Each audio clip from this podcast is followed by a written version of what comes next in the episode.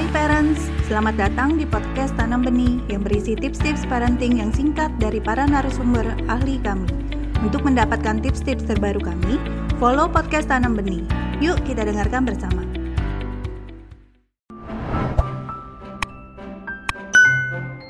Mengapa penting menolong anak untuk menjaga kesehatan emosinya di dalam program Stay at Home, tetap tinggal di rumah?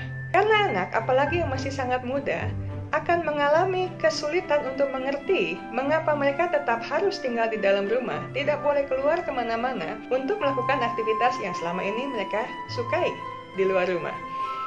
Apabila orang tua atau pengasuh tidak memberikan penjelasan sebagaimana mestinya, mereka mungkin akan merasa dibatasi atau merasa dihukum jika kegiatan ini terus-menerus harus mereka lakukan. Karena itu, supaya mereka tidak menjadi gelisah pemarah, atau mungkin melakukan aktivitas yang tidak menyenangkan, perlu penjelasan yang memadai mengenai alasan mereka tetap harus tinggal di dalam rumah. Sampai kapan mereka harus tetap tinggal di dalam rumah? Dan kegiatan apa yang bisa dilakukan di dalam rumah? Baik secara pribadi maupun bersama-sama dengan saudara atau dengan orang tua dan pengasuh. Di dalam hal ini, Tentu saja orang tua juga perlu menyediakan berbagai kegiatan untuk melatih kecerdasan mereka, baik secara mental, fisik, emosional, maupun sosial.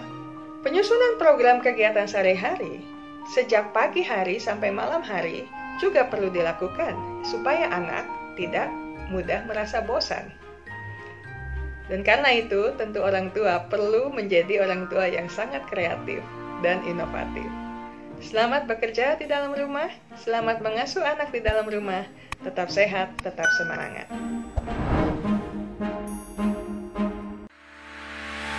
Terima kasih telah mendengarkan podcast Tanam Benih. Jangan lupa follow podcast Tanam Benih. Tidak pernah ada kata terlambat loh untuk belajar.